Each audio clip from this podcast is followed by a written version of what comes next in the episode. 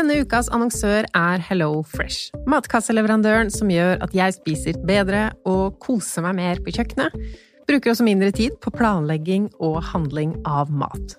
Altså, jeg hadde ekstrem sparemåned igjen i februar, frossenfebruar. Skulle bruke minimalt med penger på mat. Spiste gamle greier fra fryser og matskap. Det jeg savnet aller mest i februar, hvor jeg kutta alt til liksom beinet, det var Hello Fresh ingen matkasser som kom eh, på døra, så nå i mars nyter jeg middagene enda mer. Jeg går inn i appen, velger de fem rettene jeg vil ha. Du kan velge mellom tre, fire eller fem retter hver uke til to eller fire personer. Og det er 25 ulike retter å velge mellom hver uke. Og noen av de er sånn raske retter, så det er sikkert noe du liker der eh, også. Gode middager levert på døra. Abonnementet er sånn at du når som helst kan hoppe over en uke, eller flere, sånn som jeg gjorde nå nettopp, og så kan du justere ned og opp hver eneste uke hvor mange retter og hvor mange porsjoner. Gå inn på hellofresh.no og bruk koden FRESHPENGE. Da kan du få opptil 1779 kroner rabatt på de fem første matkassene dine hvis du ikke har prøvd Hello Fresh enda. Du kan også bruke rabatten hvis du har vært kunde, men stoppa abonnementet ditt for tolv måneder siden eller mer. Gå inn på hellofresh.no. Har du et enkeltpersonforetak eller en liten bedrift? Da er du sikkert lei av å høre meg snakke om hvor enkelt det er med kvitteringer og bilag i fiken, så vi eh, gir oss her, vi. Fordi vi liker enkelt. Fiken superenkelt regnskap.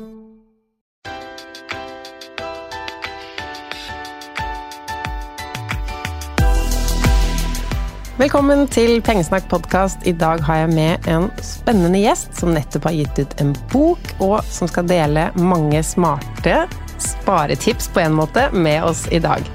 Anja Bakken Riise, velkommen hit. Tusen takk for det. Og gratulerer med bokutgivelse. Åh, takk. Du er jo leder i Fremtiden i våre hender. Og grunnen til at du er her i dag, er jo først og fremst at jeg vil prate med deg og lære så mye som mulig om mitt klimaregnskap, og hva vi, jeg og lytterne, kan gjøre i våre liv for planeten. Og jeg tenker at jeg og mange av de som hører på, vi liker å leve kanskje ikke enklere, men med et lavere forbruk. Og det i seg selv er jo bra for kloden, mm. eller? Ja, definitivt. Altså, hvis, hvis jeg kunne på en måte gi ett tips eller en sånn huskeregel, så er det nesten alltid um, å ta vare på det du har. Og si deg fornøyd med det du har. Um, og, og, liksom la være å tenke åh, jeg burde pusse opp kjøkkenet, eller jeg burde ha kjøpt meg en ny kjole til den festen, eller ikke sant? Alle de her tingene som vi kanskje ofte sier til oss sjøl at nå burde vi fornye oss. Eh, nesten alltid så er Hvis du tar en sånn runde med deg sjøl og sier hm, trenger jeg virkelig det? Er det jeg har, godt nok? Eh, nesten alltid så er det det absolutt beste du kan gjøre for miljøet. Og i, eh, sånn for dine lyttere så er jo det interessant også fordi at du sparer penger på det. To fluer i én smekk. Men hvor ille er det liksom hvis man surfer på internett og så kommer man over noen billige saker man kan kjøpe fra Kina? Som skal da fraktes med fly, og så er det kanskje produsert ikke på en sånn etisk måte, men det er vanskelig å se for seg hvor stor klimabelastning er de små handlingene mm. som nettshopping, da.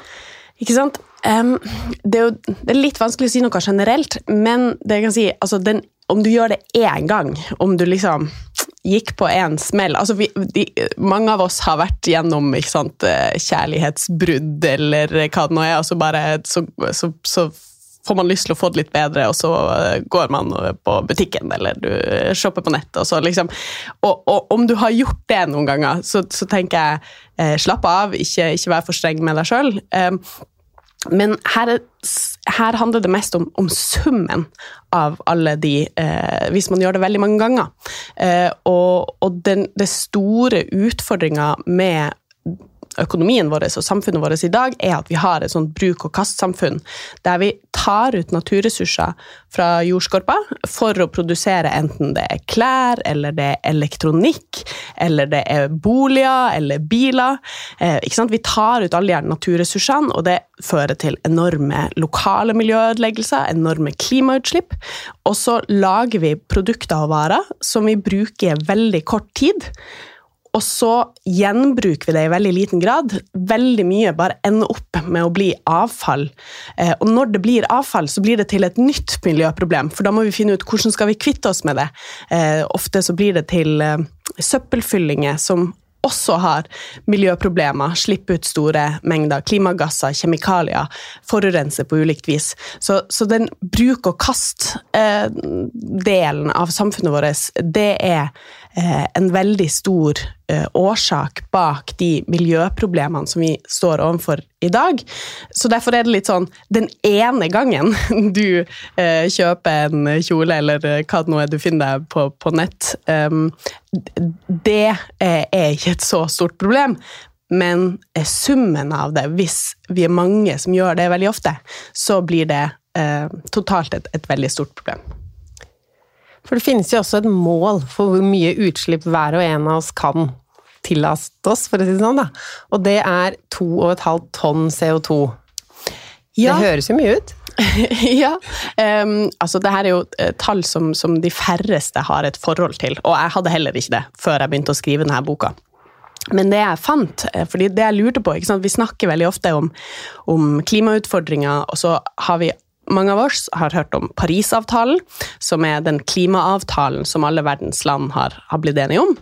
Eh, og, og den målet der er jo at vi skal sørge for å hindre global oppvarming, at den ikke overstiger 1,5 grad.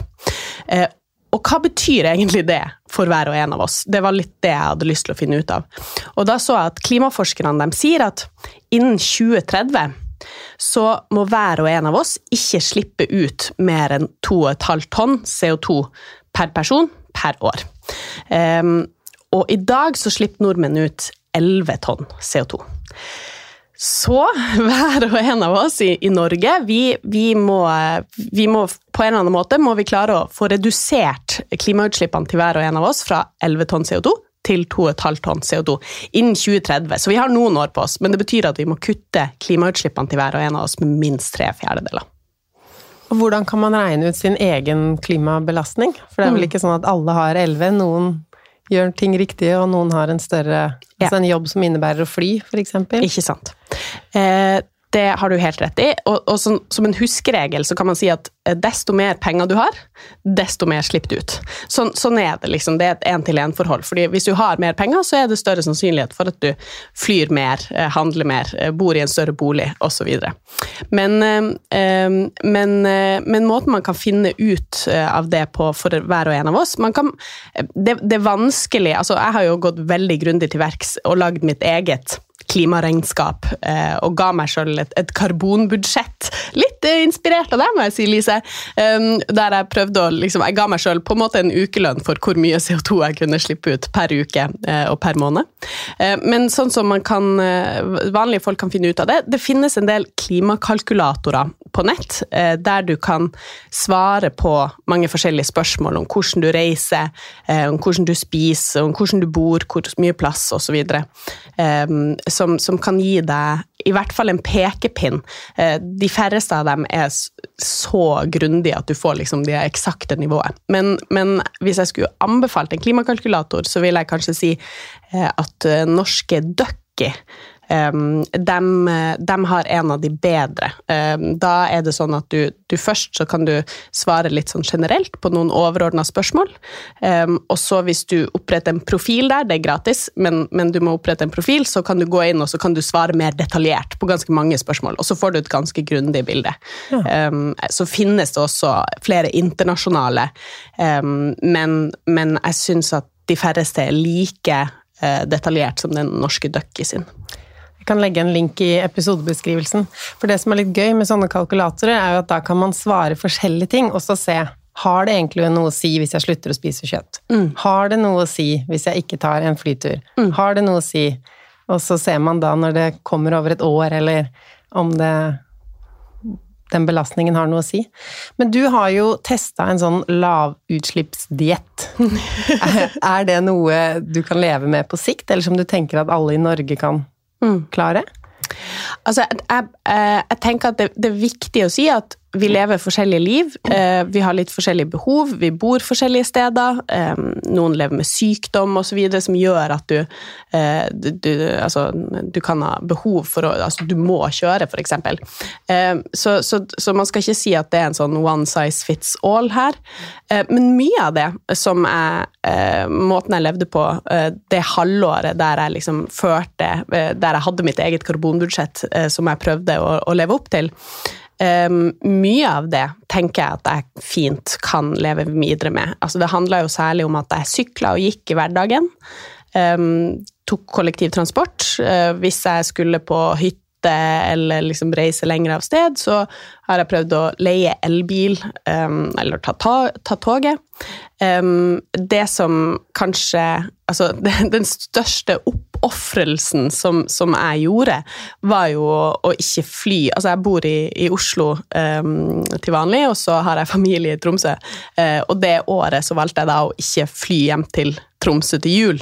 Eh, nå var jeg sammen med kjæresten min i Oslo, så det var, det var noen som bare 'Å, herregud, fikk du ikke flydd hjem til jul?' Så utrolig stakkarslig. Og så var jeg sånn 'Det gikk bra, vi hadde julefeiring her, så det gikk bra'. Men, men, men liksom, det er jo sånn det, på, på, sikt så, så, har jeg jo lyst til å kunne dra hjem og besøke familien i, i Tromsø, det er litt sånn eh, Ja, man kan prøve å ta toget, men, men, eller det kan du jo ikke. Du kan det til Bodø, eller du kan ta det via Sverige til Narvik. Men det viser jo bare veldig godt at eh, på en del områder så, så, kommer vi til kort altså som enkeltmennesker. Eh, vi trenger en politikk som gjør det mulig eh, å leve miljøvennlig. Alt kan ikke være opp til meg og deg.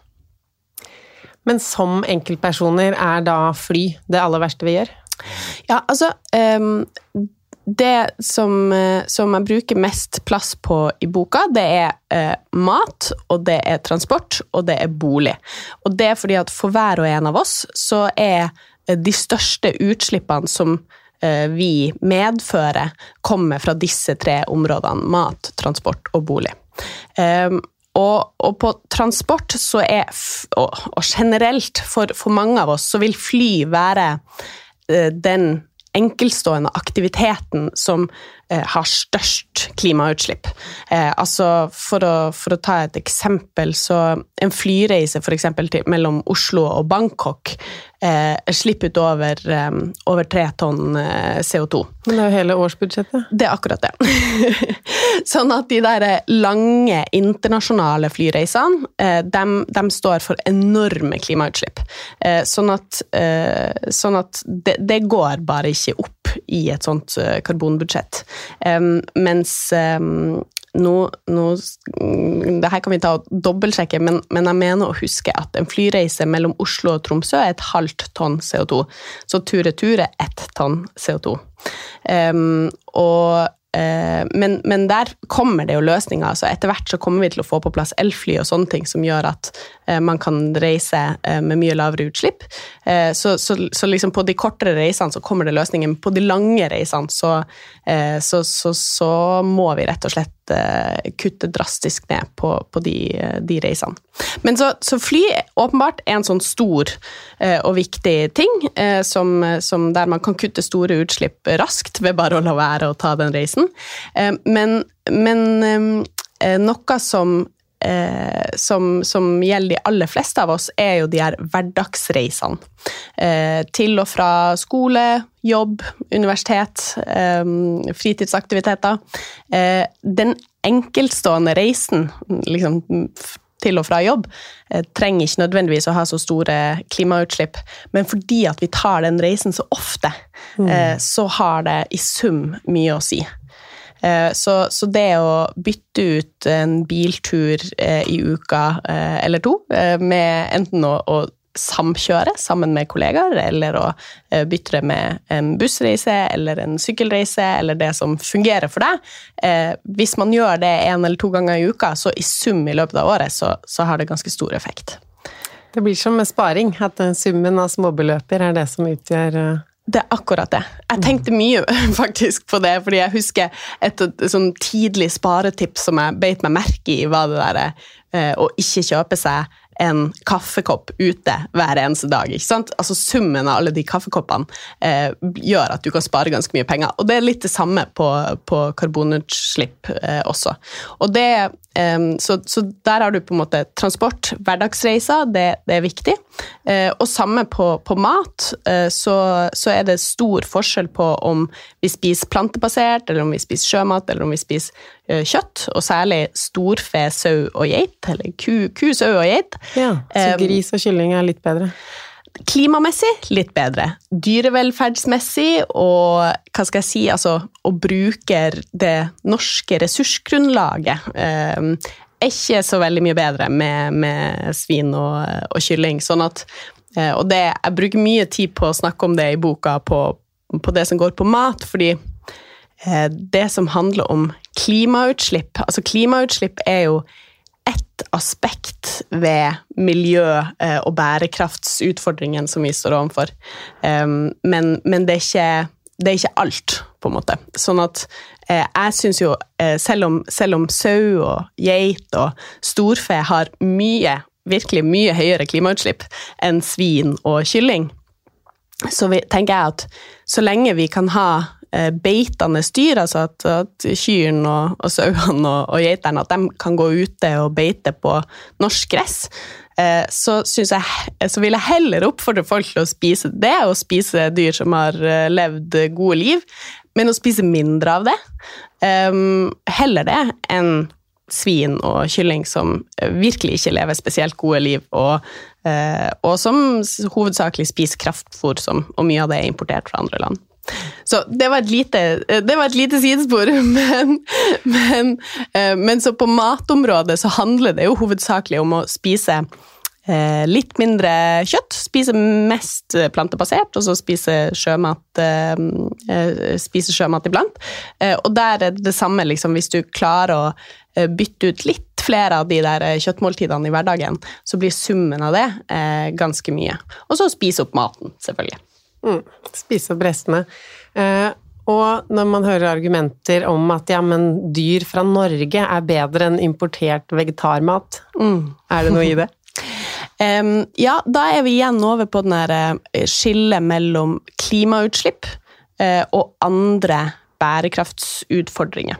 Uh, fordi Altså, eh, storfe, ku, eh, sau og geit, de, de, er, de er drøvtyggere. og det betyr at de har et sånt flermaga tarmsystem.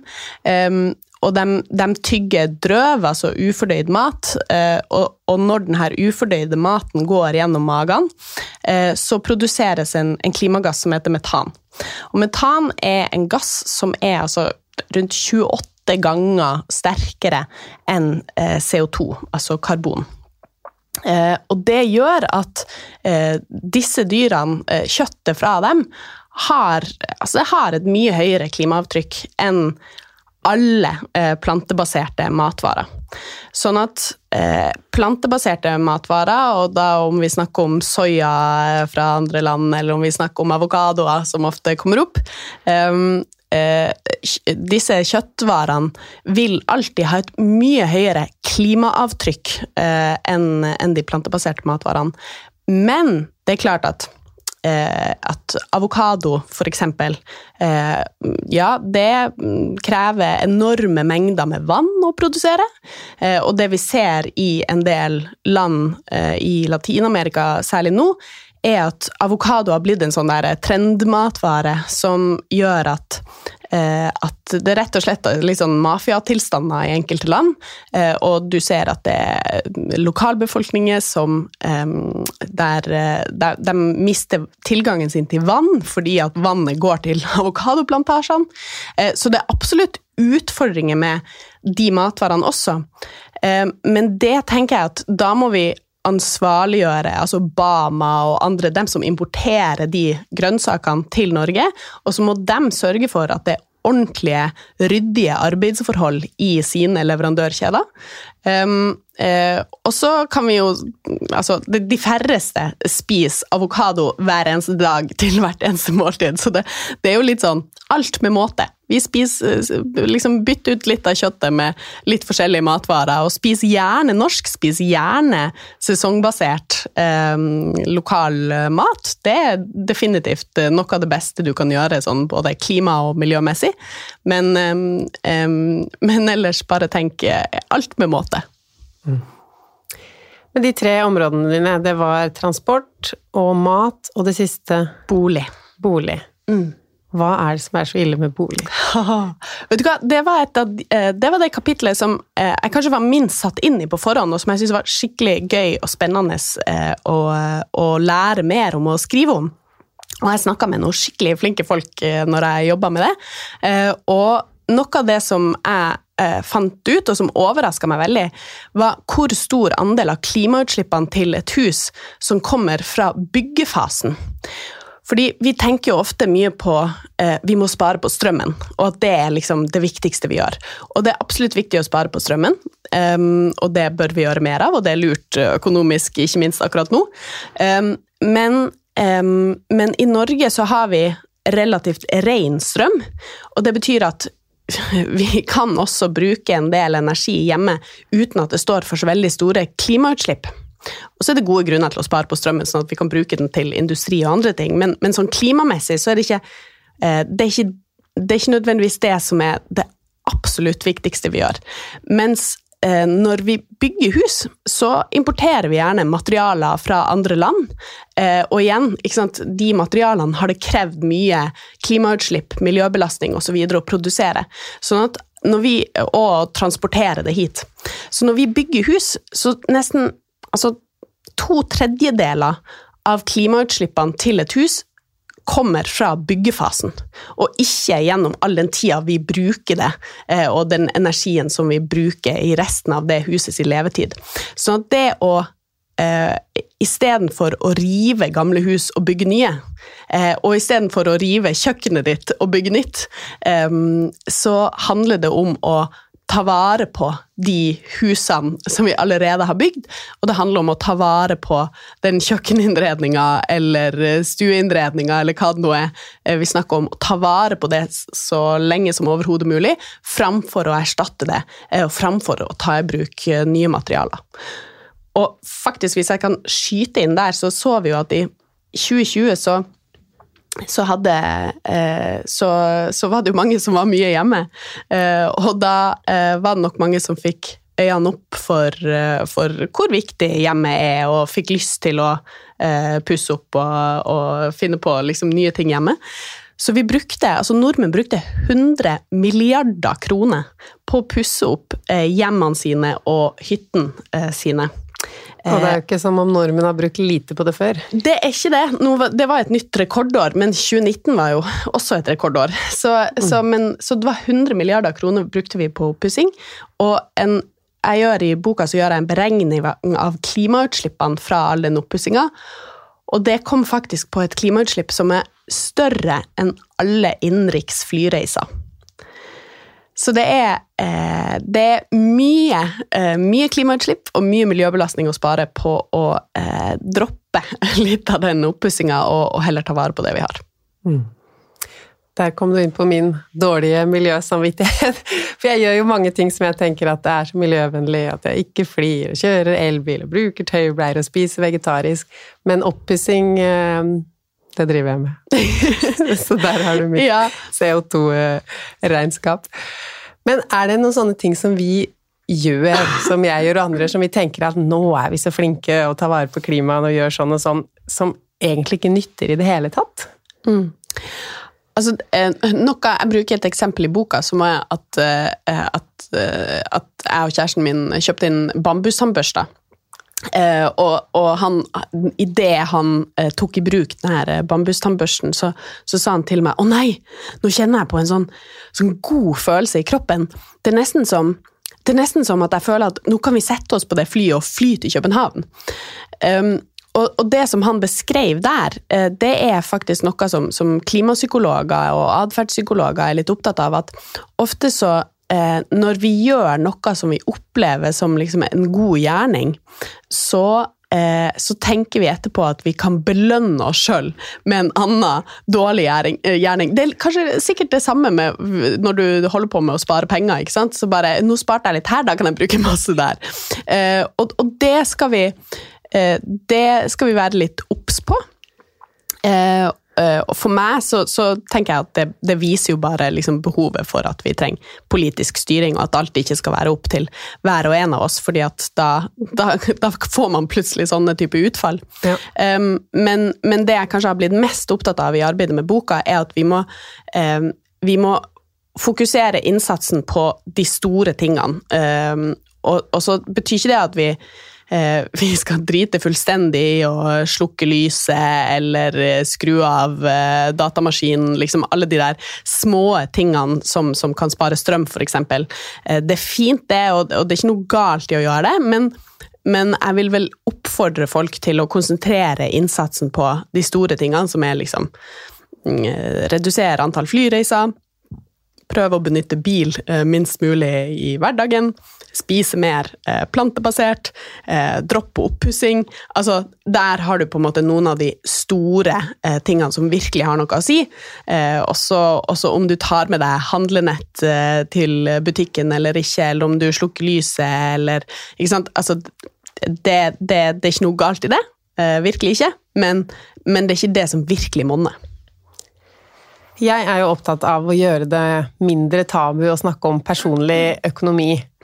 Eh, og jeg tenker sånn med klimaregnskapet òg, da. Det er jo fint at vi tar opp utfordringene, og som du legger mye vekt på, det er ikke enkeltpersoner ansvar alt, det er jo en politisk sak. Men er det sånn, føler du, at man kan snakke med venner om deres klimaregnskap? Altså hvis du har en kompis som flyr masse, er det noe man kan kommentere, eller er det sånn mm det er privat på samme måte som mm. økonomien er personlig?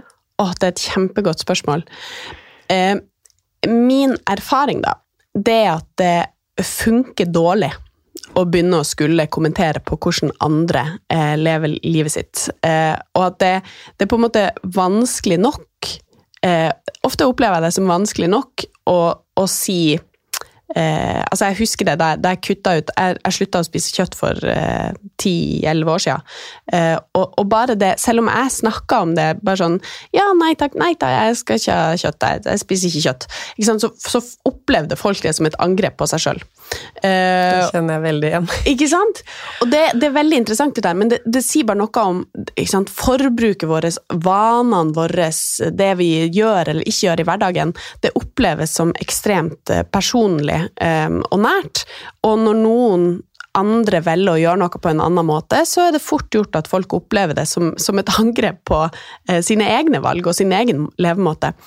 Eh, så, så, jeg opplever jo at dette er et felt der man skal trå veldig forsiktig. Eh, og, at, eh, og at jeg opplever at det som funker best, er kanskje å heller inspirere, altså vise, vise, hvordan du lever. Eh, og, og, og, på en måte Ja, nei, vi tar toget til København istedenfor å fly, liksom. Eh, det var, det var, skikkelig fint, og det var hyggelig. Og på en måte snakke om det på den måten, men eh, også kanskje kan andre altså learning by doing, eller altså Andre kan se Å ja, gjør du det på den måten? Og kanskje, uten at de vet det, vil de eh, ta etter deg på enkelte områder. Det er i hvert fall eh, det er noe som jeg har sett de siste årene, f.eks. med togreiser. At eh, vi mennesker er, vi er sosiale dyr, vi er flokkdyr. Når vi ser at mange velger å gjøre noe, eh, velger å ta toget, så blir det sånn Å ja, kanskje jeg også skal prøve å ta toget. Eh, og, og, det har jeg sett de siste årene. Liksom, folk som jeg aldri ville ha trodd at skulle droppe en flyreise, har begynt å ta tog fordi at de ser at andre gjør det. Eh, så jeg tror nok at det er den mest effektive og lureste måten å gjøre det på, framfor å begynne å si sånn Men du, eh, hvor bra er det egentlig? Har du tenkt på klimaet når du tar den flyreisen? For da vil folk bare få piggene ut, eh, mm. og kanskje eh, ville forsvare det de gjør, og da må de gjøre det enda mer. Eh, ikke sant? Så ja. Du er jo leder i Fremtiden i våre hender, Og i fjor så hadde vi besøk av Gustavo, som snakka om etisk bankguide. Ja. Hva annet jobber dere med i Framtiden i våre hender? Du, eh, Framtiden i våre hender, vi, vi jobber jo for eh, å bidra til et mer rettferdig og en bærekraftig fordeling av verdens ressurser. Eh, og det gjør vi bl.a. med å påvirke politikk og næringsliv, men vi gjør også mye for å tilrettelegge for at det skal bli enkelt og billig for folk å ta gode miljøvalg. Eh, fordi i dag så er det jo ofte sånn dessverre, eh, at politikken tar oss i feil retning. Altså sånn at det er billigere å fly enn å ta toget, f.eks. Eh, det er jo helt bakvendt, og, da, kan ikke, da, kan vi ikke, snakke om at altså, å, nordmenn er så fæle fordi de, de, flyr så mye. Det er ikke rart at nordmenn flyr så mye, når det ofte er det eneste alternativet, og eh, det er mye billigere enn de miljøvennlige alternativene. Og det ser vi jo på område etter område. Eh, at Reparere ting. Ikke sant? Billigere å kjøpe nytt enn å reparere. Um, eh, eller ofte er det billigere å kjøpe kjøttmat i butikken enn å kjøpe plantemat. Altså den typen Her, her har vi masse politiske strukturer som vi mener at vi må rette opp i sånn at miljøvalget alltid er førstevalget. Og helt til sist, dette er jo en grønn podkast, men først og fremst en podkast om å tjene penger, spare penger og investere penger. Har du noen sånn et sparetips eller et pengetips å dele med de som hører på? Kanskje noe smart som du har gjort i ditt liv? Mm. Altså um, jeg, jeg, jeg, jeg, tror jeg skal kalle det et pengetips tips eh, framfor et, et sparetips. Eh, men det er jo å tenke på hvor du plasserer pengene dine. Eh, og der Det skriver jeg også litt om i boka mi, om, om hvordan man kan sørge for at sparepengene sine ikke bidrar til å forverre klimakrisa. Eh, der dukker det opp i eh, norske banker nå eh, masse fond, blant annet, som, som kalles grønne som, eller fossilfrie, eller de har masse Kjært barn har mange navn, så det er ulike navn, men, men sett deg litt inn i, se på hvordan sånne tilbud som, som bankene har, og prøv å plassere pengene dine i den type sparepakker som, som gjør at du heller kan, om ikke bidra positivt, så i hvert fall ikke bidra negativt til å forverre klimakrisa. For i dag så er det jo sånn at de aller fleste fond, eh, de aller fleste bankene sine liksom vanlige hva skal jeg si, førstevalg, det er eh, Da plasseres dine sparepenger i all slags type selskaper. Mange selskaper som jeg tror de færreste egentlig har lyst til å plassere pengene sine i, enten om vi snakker om om eh, altså, eh, fossile selskaper som driver med eh, den verste formen for fossil utvinning, enten om det er kull, kullgruver, eller om det er tjæresand, eller om det er våpenselskaper, eller ikke sant altså, mm. Arbeiderrettigheter. Ja, altså du, du finner så mange selskaper Um, som driver med så mye greier som de færreste av oss har lyst til å støtte opp om, um, men, men, som er helt vanlig på det globale aksjemarkedet. Uh, sånn at uh, Så liksom, tenk, tenk, på hvor du plasserer pengene dine. Hver gang du, uh, du, du kan ved å plassere pengene dine, så kan du bidra til å stemme på en verden som vi ønsker oss. Um, så, så, det er kanskje mitt viktigste pengetips i dag. Mm, takk. Eh, og til sist så vil jeg tipse deg som hører på episoden om eh, boka til Anja. Den heter Mitt klimaregnskap. Og inne på hjemmesidene til Fremtiden i våre hender så har de noe som heter Din grønne guide. Hvor du kan finne tips til eh, ja, om klær, mat, transport. Og det går jo i, da, å bruke mindre. Så det er jo både for kloden og for lommeboka. Er du fornøyd med det som siste ord, Anja? Definitivt. Takk for at du kom hit i dag. Takk for meg.